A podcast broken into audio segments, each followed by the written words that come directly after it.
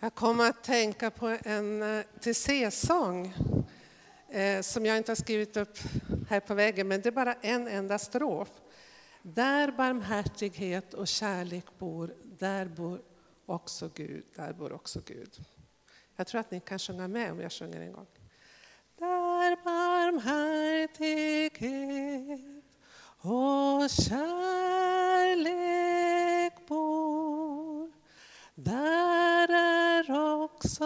Gud. Där är också Gud. Där barmhärtighet och kärlek bor. Där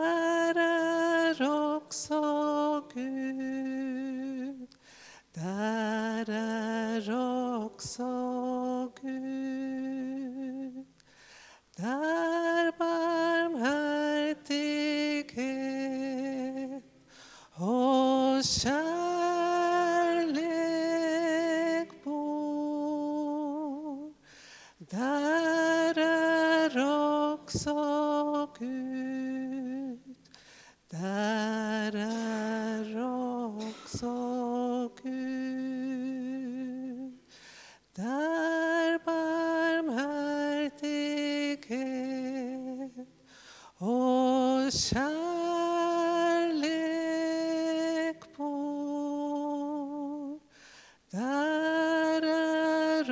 också Gud.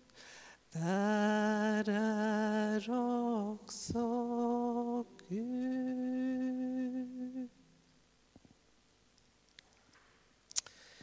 Ja, som ni redan har hört så har vi kommit fram till det första av saligprisningarna, det femte, nej, första, det femte påståendet som Jesus gör om vilka som är de saliga, de lyckliga, de välsignade.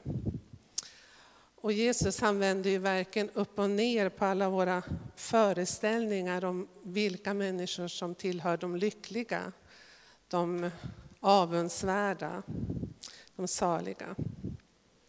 Men i dagens text, saliga är de barmhärtiga, det ska möta barmhärtighet. Jag tror att den meningen, eller det påståendet kanske vi har lättast nästan att ta till oss, för det finns en logik i det. Om man är barmhärtighet så möter man också barmhärtighet. Nu är ordet barmhärtighet ett ord som vi nästan aldrig använder i vår vardag. Det är inget, tillhör inte vårt vardagsspråk. Utan det har blivit nästan ett helt och hållet teologiskt begrepp, men jag tycker det är ett oerhört vackert ord. Och som ni ser här som det står i bakgrunden här så eh, är begreppet barmhärtighet i Bibeln synonymt med orden medkänsla, mildhet, kärlek, förlåtelse, välvilja, godhet, saktmod och ömhet. Den Gud som vi möter i Gamla testamentet beskriver sig själv, precis som vi hörde i inledningsordet här.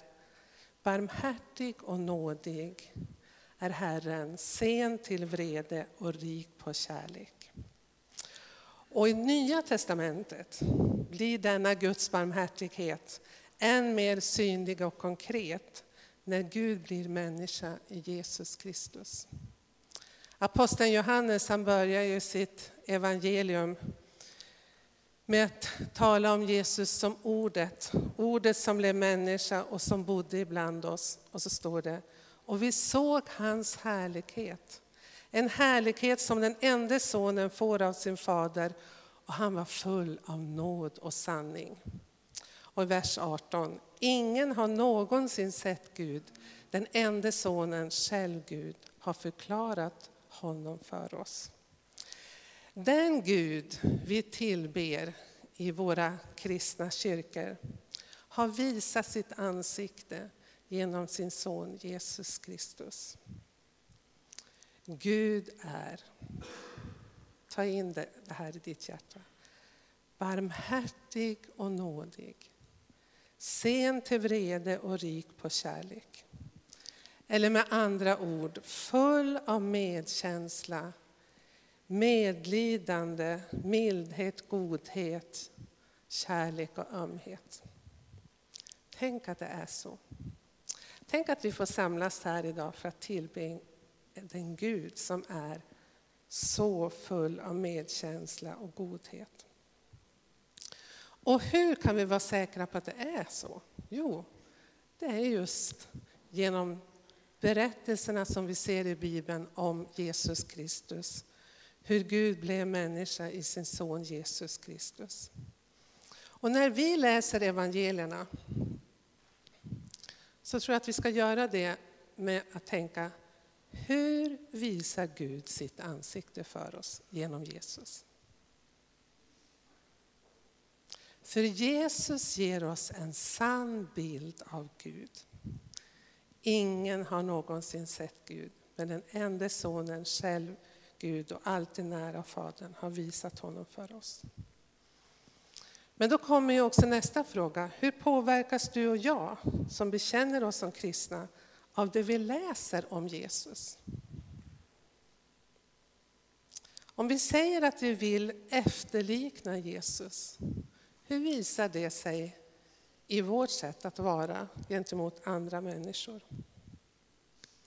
För trots vår stora bibelkunskap, eller åtminstone flera av oss har kanske läst Bibeln många gånger,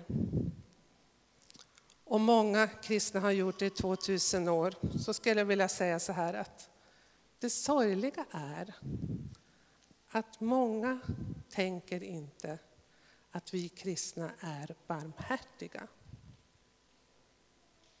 Utan snarare kanske hycklare, kritiska, hårda, dömande. Och vi behöver ju inte tänka på hur andra är. Ska du byta? Bara justera lite. Ja, bra. Tack. Tack för hjälpen. Bra. Vi behöver inte gå och fundera på hur andra är, utan vi behöver bara se till oss själva. Är jag barmhärtig? Visar jag medkänsla? Är du barmhärtig? Förmedlar vi barmhärtighet till de vi möter? Och då tänker jag i första hand på våra närmaste. I vår egen familj, bland våra grannar, arbetskamrater. Om vi kallar oss Jesu efterföljare så borde det vara en av våra allra viktigaste strävan och det är att bli mer och mer barmhärtig. Och då var det det här ordet barmhärtig. Att vara barmhärtig är att känna och visa medkänsla med dem som lider. Med fattiga, sörjande, sjuka och så vidare. Och det här ser vi ju gång på gång när vi läser evangelierna. Att Jesus vänder sig i första hand till de som är sjuka. Till de som är fattiga. Till de som är utstötta. Ja, till och med till de som är oberörbara, de spetälska som inte fick bo mitt ibland i städerna utan fick bo särskilda avskilda områden.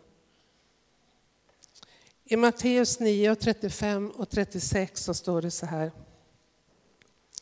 Jesus vandrade omkring i alla städer och byar. Ja. Förkunnade budskapet om riket och botade alla slags sjukdomar och krämpor. Han såg, när han såg människorna fylldes han av medlidande. Det är barmhärtighet. För de illa medfarna och hjälplösa som, får, som var som får utan herde. När Jesus såg människorna så fylldes han av medlidande. Och då vill jag säga en sak här nu. Jag måste ta lite. Det är uppenbart, och nu säger jag något riktigt provocerande här, att det var viktigare för Jesus att visa medkänsla och medlidande än att strikt följa lagen. Och tänka den lag som var given till Guds folk i Gamla testamentet. Hur kan jag säga det? Jo, det, det är också väldigt märkligt, jag har tänkt på det många gånger, att när man läser om de under som Jesus gjorde så verkar det som att han hade en förkärlek för att göra under just på sabbaten. Och de fariseerna och de skriftlärda blev så upprörda. Till exempel när Jesus botar en man med en förtvinad hand som kommer in i synagogan. Och då var det så att enligt ehm, den judiska tron så, så var det inte fel att bota en som var livshotande sjuk. Det är det fortfarande inte. Klart att rädda liv står över allting annat. Men att, att bota någon som hade en förtvinad hand, det förstod inte de andra som var i synagogan varför han skulle göra det. Han kunde han ju vänta till måndag eller tisdag och göra det någon annan dag, eller söndag. Lördag var ju deras heliga dag. Men Jesus han såg människans nöd och kände medlidande med det. Det gick över allting annat. Han säger ju på ett ställe att sabbatsbudet, människan är inte skapad för sabbatsbudet utan sabbatsbudet var till för människan. För att vi skulle få vila, inte för att vi skulle uppfylla någon lag. Liksom. En annan tydlig bud som Jesus överträdde det var det här med renhetslagarna. Eh, en väldigt viktig lag i Gamla testamentet för de än idag ortodoxa judarna är det att en kvinna som har sin månadsblödning, hon är oren. Allt hon sitter på blir orent och hennes man får inte ta vid henne, röra henne överhuvudtaget, inte ens ta hennes hand eller hålla om henne. Och ingen man tar en kvinna i hand, ingen judisk man tar en kvinna i hand för att han kan ju inte veta om hon har mens eller inte. Men Jesus han brydde sig inte alls om det. Och det ser vi bland annat i berättelsen om kvinnan som hade haft blödningar i 12 år och som rörde vid Jesus. Gud är inte likgiltig inför människors nöd. Och när vi ser det och läser om Jesus, hur han visade medlidande, då växer mig i varje fall en bön, Herre, låt mig bli lik dig mer barmhärtig, mer av visa medkänsla och medlidande. Och inte minst bevara mig från likgiltigheten, avtrubbningen inför världens nöd. De senaste månaderna, ja, de senaste åren, så fort vi sätter på tvn så, så ser vi hela tiden om människor som är drabbade av hungersnöd, översvämningar, krig, flyktingar, som flyr för sina liv och så vidare. Och det är så lätt att man avtrubbas. Jag tror att vår ständiga bön borde vara, gode Gud, hjälp mig att fortsätta ta in världens nöd, att dela den och försöka göra vad jag kan för att avhjälpa den. Jag har talat om det tidigare någon gång, om, om det här att det, det finns ju forskning runt det här med vad det är för någonting som gör människor lyckliga. Lyckoforskning kallas det. Och då kan man ju tro liksom att en människa som satsar helt och hållet på sig själv och förverkligar sina egna drömmar och visioner, det är de som är mest lyckliga. Men det mesta av forskningen visar att de lyckligaste människorna, det är de som engagerar sig i andra och i andras behov och i andras nöd som, som hjälper andra. Alltså man blir lycklig, salig av att visa barmhärtighet och medkänsla med andra.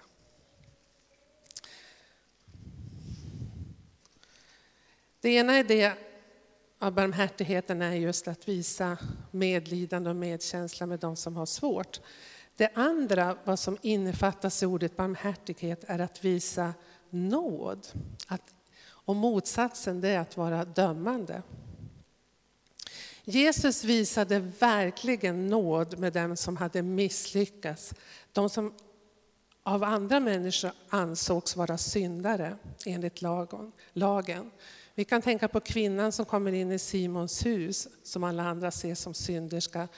Ni vet kvinnan som kommer in och kastar sig på knä vid Jesu fötter och börjar gråta och tvättar hans fötter och torkar dem med sitt hår.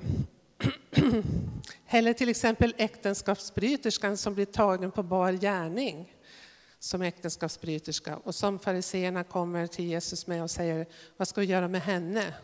Lagen säger att hon ska stenas, vad säger du? Och vad svarar Jesus? Han säger, den som är utan syn kastar första stenen. Och det är ju en här helt suverän svar till de här. Man kan ju tänka hur otroligt rädd den här kvinnan var när hon står där och skakar. Fruktansvärt öde att stå inför det att kanske bli stenad till döds. Jag kan nästan inte tänka mig en värre död, möjligen korsfästelsen. Men i varje fall, och så slutar allt ihop med att Jesus säger, inte heller jag dömer dig. Inte heller jag dömer dig. I Lukas, det sjätte kapitlet och vers 37, så står det så här. Jesus säger, döm inte så ska ni inte bli dömda. Förklara ingen skyldig så ska ni inte döma skyldiga. Frikänd så ska ni bli frikända. Döm inte så ska ni inte bli dömda. Frikänd så ska ni bli frikända tycker jag väldigt mycket hör ihop med den som är barmhärtig, den ska möta barmhärtighet. Jesus kallar ju också en av tullindri, eller en tullindrivare som heter Matteus till sin lärjunge. Och tullindrivarna de ansågs ju verkligen vara syndare. Och Matteus 9, vers 11 och 13, där står det så här. Fariseerna tog anstöt och sa till lärjungarna, alltså när Matteus blev kallad där vid tullhuset till att följa Jesus så bjöd han Jesus och lärjungarna hem till sig och ordnade en stor fest där både hans vänner och Jesu lärjungar var. Och då blev fariseerna arga. Och så säger de, hur kan er mästare äta tillsammans med tullindrivare och syndare? Han hörde det och sade, det är inte det friska som behöver läkare utan det sjuka. Gå och lär er vad som menas med orden barmhärtighet vill jag se och inte offer. Ty jag har inte kommit för att kalla rättfärdiga utan syndare. De här orden barmhärtighet vill jag se och inte offer jag hämtar ifrån Hosea bok, profeten Hosea bok kapitel 6 och vers 6. Så sorgligt om det skulle vara så att vi som är Jesu lärjungar skulle vara kända för att vara mer hårda, dömande och ha brist på ett förlåtande sinnelag. Saliga är de barmhärtiga, de ska möta barmhärtighet. Jag tror att det är så här, att den som mött barmhärtighet själv, den som har vuxit upp i en familj där man har fått lära sig att be om förlåtelse och få ta emot förlåtelse. Att man har fått lära sig att det inte är så farligt att göra fel, för man kan ju få, få förlåtelse och börja om igen. Eller någon som har mött barmhärtighet av andra människor. Eller den som har mött barmhärtigheten hos Gud själv kan bli barmhärtig. Men den som har hårda krav på sig själv ställer ofta väldigt hårda krav på andra. Så om du lever under lagen själv kommer du troligtvis att förvänta dig det av andra. Och nu ska jag läsa mitt absoluta, nästan, jag har många favoritbibelord, men det här ni vet att ett av mina favoritbibelord. Paulus skriver till församlingen i Kolossi skriver han. Som Guds utvalda, heliga och älskade. Han skriver till en församling som inte är perfekt på något sätt. Inte felfria människor. Och många av dem har nyss kommit till tro. Men han skriver, ni är Guds utvalda, heliga, älskade. De har fått ta emot Guds barmhärtighet. Det är ett faktum. Och sen kommer uppmaningen.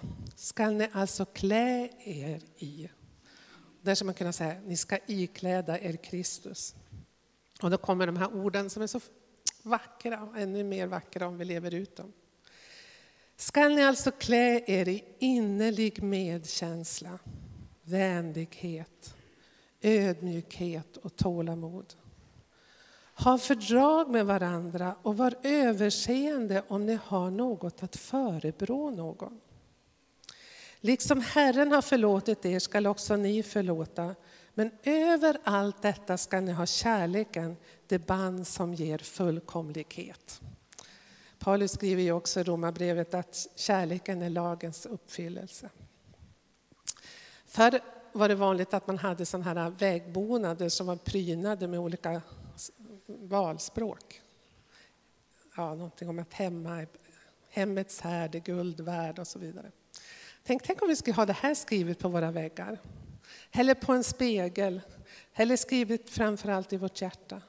Att vi ska ha det här som en riktning mot vilken vi vill gå. Det här är någonting som vi vill sträva efter. Gud, gör mig till en människa som ännu mer kan vara fylld av medkänsla med andra. Vänlighet, ödmjukhet, tålamod. Som han kan ha fördragsamhet med andras, ja, som vi kan ibland tycka, lite sämre sidor. Vara överseende med de som gör saker och ting som vi tycker är fel.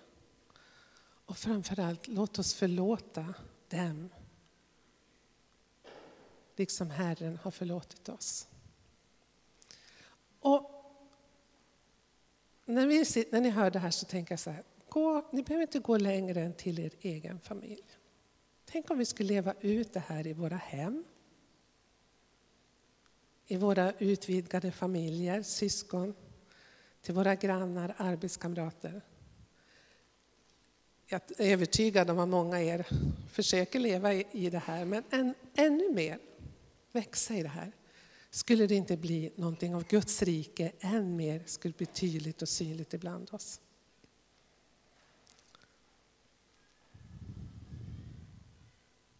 Det handlar om Kristuslikhet. Och när vi skulle ha detta som ett motto, någonting att sträva efter, då handlar det om att ha mer fokus på andra än på sig själv. Alltså försöka tänka oss in i varför beter sig den här människan på det här som vi kan tycka tokiga sättet.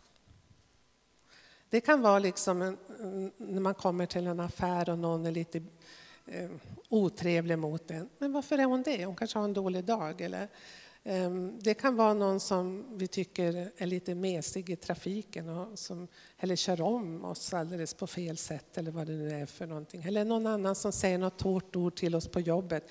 Det är tusen och en saker som vi möter under en dag eller en vecka som kan irritera oss. Men det vi kan göra är att försöka tänka oss in, men vad beror det på att den andra människan säger det här, gör så här?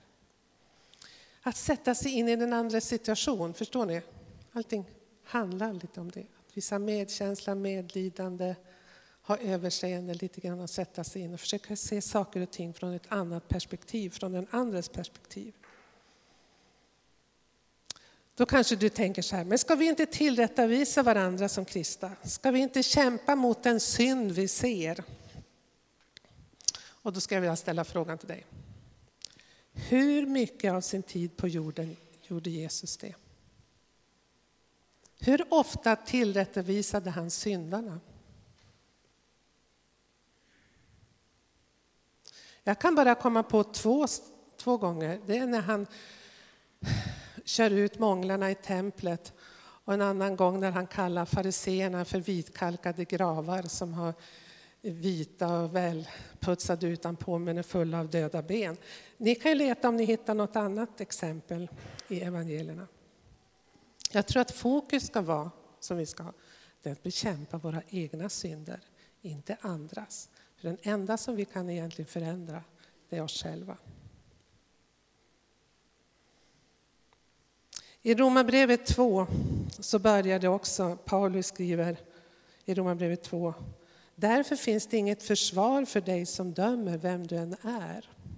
Och precis, precis i slutet av kapitel 1 har han räknat upp en mängd synder. Du kan gå hem och läsa. Allt, allt möjligt som du kan hitta på. Och så kommer de här orden, därför har du inget försvar, du som dömer vem du än är.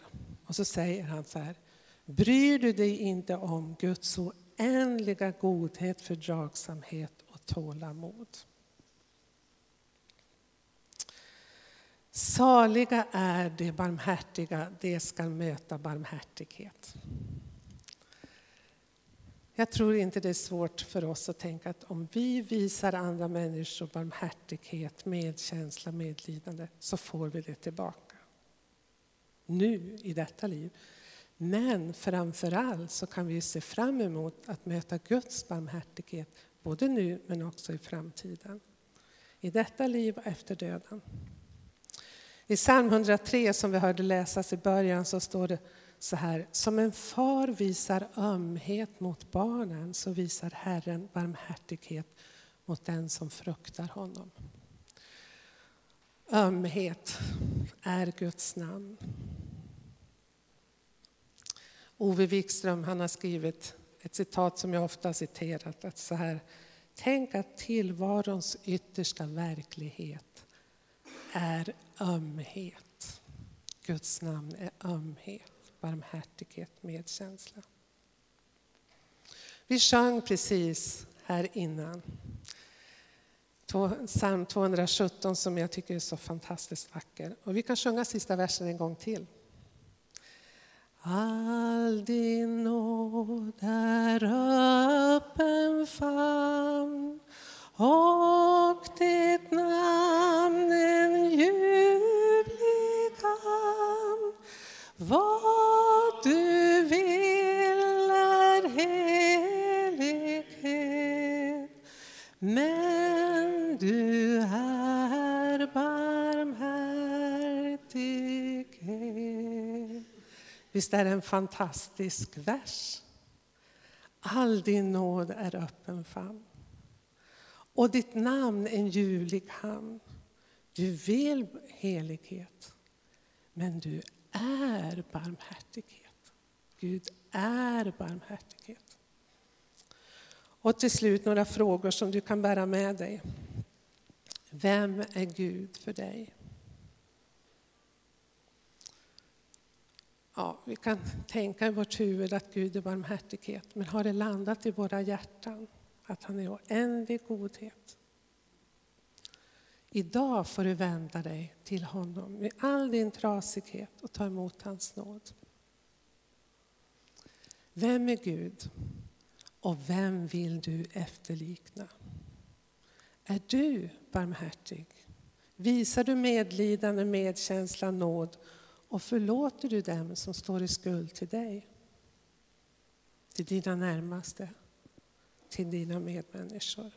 Vi ber. Herre, jag tackar dig för att all din nåd är öppen famn och att ditt namn är barmhärtighet. Låt oss bära det med oss och låt det verkligen landa i våra hjärtan. Jag ber om det i Jesu namn. Amen.